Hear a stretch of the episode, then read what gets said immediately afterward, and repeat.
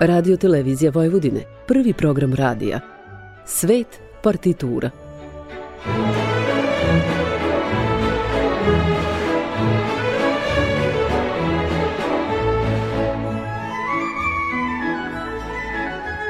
Urednik i voditelj Bogdan Đorđević.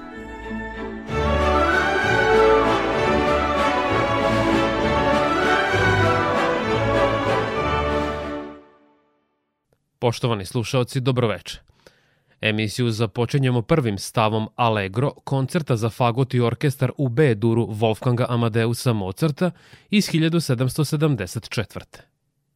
Iskoristit ćemo priliku da kažemo nešto više o ovom veoma neobičnom drvenom duvačkom instrumentu. Zbog jedinstvene boje, fleksibilnosti i virtuoznih sposobnosti, Fagot je podoban za izražavanje dostojanstvenih, staloženih, blagih i srdačnih melodija u partituri.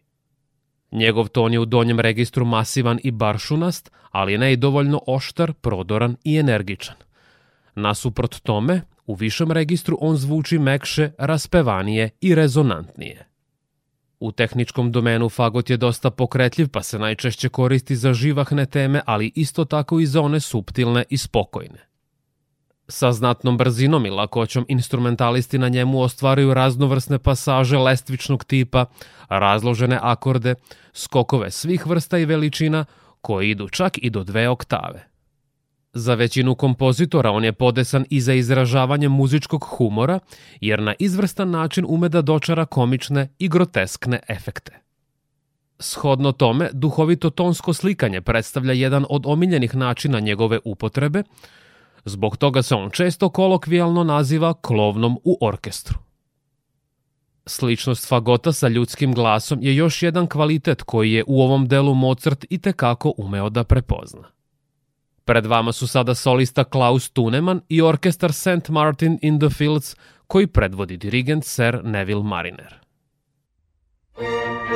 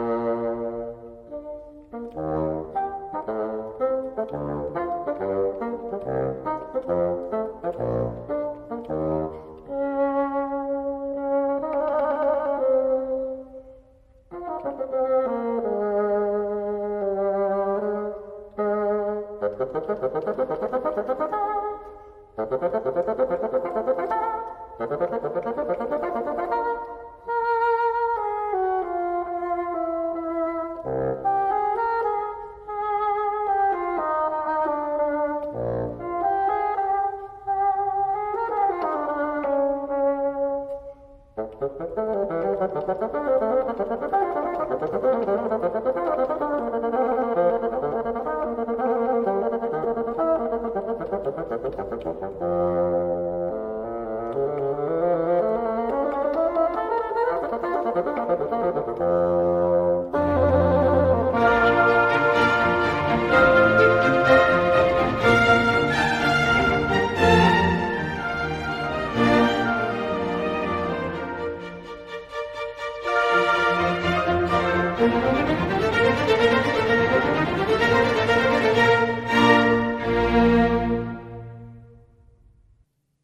Slušali ste prvi stav koncerta za fagot i orkestar u B-duru Wolfganga Amadeusa Mozarta u izvođenju Klausa Tunemana i orkestra St. Martin in the Fields, predvođenog dirigentom Sir Nevillom Marinerom. Ovaj koncert jedini je sačuvani Mozartov komad za fagot i orkestar od ukupno pet koliko ih je napisao. Nažalost, mnoga izgubljena dela velikih kompozitora do danas još uvek nisu pronađena. Vi pratite prvi program radija Radio Televizije Vojvodine. U nastavku emisije Svet partitura slušat ćete polonezu opus 40 broj 1 u A duru Frederika Chopina, nastala u 1838. Ova vojnička poloneza sa jasnim ritmičkim figurama i herojskim oktavama uverljivo ilustruje bubnjeve, odnosno fanfare, kao prepoznatljive simbole triumfalnih vojničkih parada i marševa. Muzički stručnjaci napominju da je ova kompozicija jedinstvena u Chopinovom opusu jer je u njoj potpuno izbegnut dinamički kontrast. Sa namerom da se ona izvodi pompezno i veoma glasno, on je u partituri istakao njen karakter allegro con brio i sve prisutnu dinamičku oznaku fortissimo. Iako je prvobitno nastala kao dvorska igra, poloneza je od sredine 18. veka neraskidivo vezana za duh poljskog identiteta. Njen naziv u prevodu sa francuskog doslovno glasi poljski. Tokom prvih dana nacističke invazije u septembru 1939. godine, Varšavski radio svakodnevno je emitovao ovu poznatu Chopinovu kompoziciju kako bi podstakao Poljake na sveopšti nacionalni ustanak. Poslušajte sada interpretaciju pijaniste Mauricija Polinija.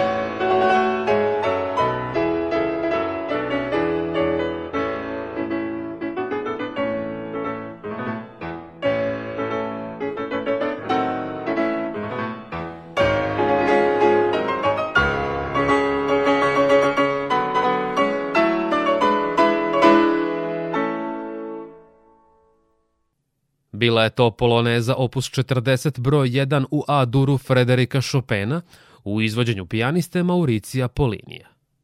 Ova kompozicija započinje bez uvoda i slušaocima glavnu temu predstavlja sa vojničkom tačnošću. Reći ćemo još i to da su Chopinove poloneze u izrazu bile ekstrovertnije nego mazurke, koje su imale tendenciju da budu introspektivne prirode zbog prenošenja setnih i melanholičnih sećanja na domovinu. Prelazimo sada na sledeće delo u emisiji Svet partitura na talasima prvog programa radija Radio Televizije Vojvodine. Slušat ćete šesti stav Allegro iz Serenade opus 11 u D-duru Johannesa Bramsa, premijerno izvedene 1860. Ovaj završni stav ponositog karaktera napisan je u formi ronda sa ponavljajućim i poskakujućim kasačkim ritmovima. Korene ponosa uočavamo još u Bramsovom takozvanom proletarskom detinstvu. On je odrastao u ozloglašanoj hamburškoj četvrti između kuća čija su vrata osvetljavali crveni fenjeri. Sa osam godina svirao je po mornarskim krčmama s obzirom na to da je njegova majka bila siromašna švalja. Ona je na pamet učila Šilerove stihove, ali se u težnji za uzvišenijim i boljim životom ugušila u strahovitoj bedi. Brahms nikada nije mogao zaboraviti tu potresnu sliku iz svoje rane mladosti. Zbog toga je Agati, devojci koju je voleo, napisao Ne mogu još da se ženim. Ne bih mogao da podnesem da moja žena misli da ne dajem sve od sebe i ne stvaram ono što je najbolje u životu. Pred vama su sada Kraljevski orkestar koncert Gebaua i dirigent Bernard Haitink.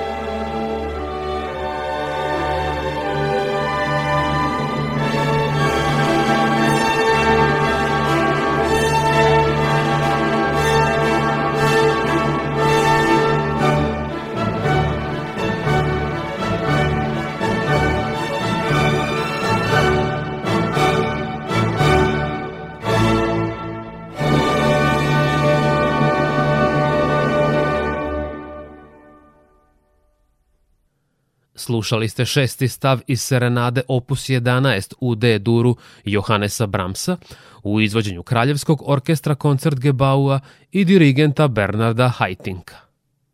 Pun iskrene i duboke skromnosti, Brahms je u proseku godišnje komponovao samo jedno delo sačinjeno od više stavova.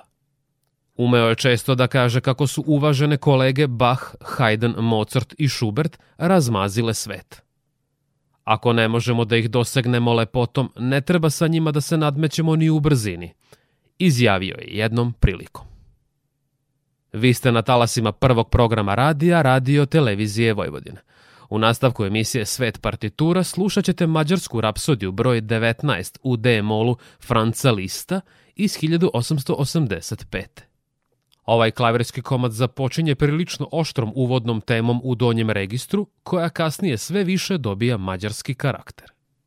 Na njegovoj polovini raspoloženje se drastično menja jer tada otpočinje nezaboravna melodija koja je sačinjena od samo četiri tona. U listovom citiranju Čardaša, koji je prethodno zapisao muzički kritičar Kornel Abranji, diaboličnost i klavirska orkestracija bili su najvažniji elementi. Spomenućemo još i to da bi bilo pogrešno tvrditi kako Franz Liszt nije umeo da svira i poetično i plemenito. On je u klavirsku interpretaciju uneo izvesne aspekte suprotne disciplinovanom, ali često beskrvnom klasičarskom stilu. Treba naglasiti da je list bravuroznost, za koju je bila neophodna specijalna samodisciplina, postavljao iznad tehnike. Iako većina pijanista posjeduje klavirsku tehniku, samo mali broj njih ume da je upotrebi za one uzbudljive, vrtoglave i smele poduhvate. Kao jedan od takvih predstavit će vam se pijanista Roberto Zidon.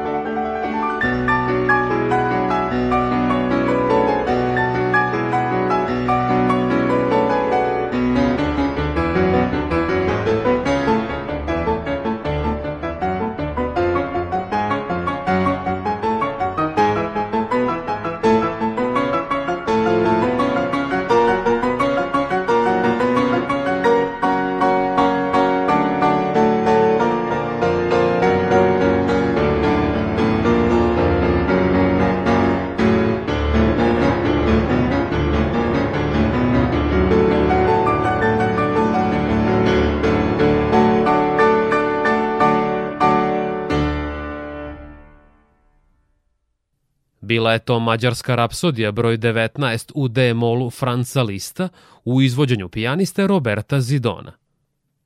Na vrhuncu slave List je prestao da koncertira i više nikada nije nastupio kao plaćeni umetnik. To ne znači da se nije pojavljivao na podijumima jer je gotovo do kraja života izlazio pred publiku. Najčešće je svirao u dobrotvorne svrhe, a sve više vremena je provodio dajući časove. Ozbiljno je obavljao dužnost muzičkog direktora Vajmarskog dvora, koji je zahvaljujući njemu postao centar muzike budućnosti. Nastavljamo dalje s muzikom u emisiji Svet partitura na talasima prvog programa radija Radio Televizije Vojvodine. Slušat ćete kadril Orfej Johana Strausa Mlađeg, objavljen 1860.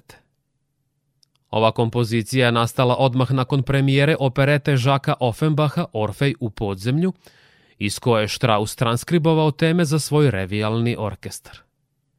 Iako se za jednu od njenih tema odmah vezuju plesačice kankana sa visoko podignutim šavovima naboranih haljina, postoje istoričari koji pak tvrde da Offenbach na scenu nikada ne bi pustio neozbiljne dame koje zabacuju nogama i otkrivaju svoje podsuknje i čipkasti donji veš.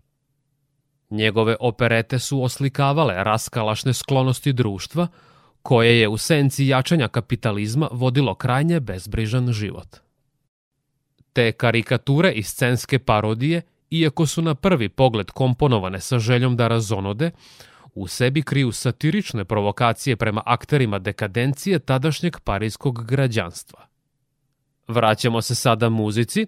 Slušat ćete bečke filharmoničare i dirigenta Vilija Boskovskog u izvođenju kadrila Orfe Johana Strausa Mlađeg. Bye.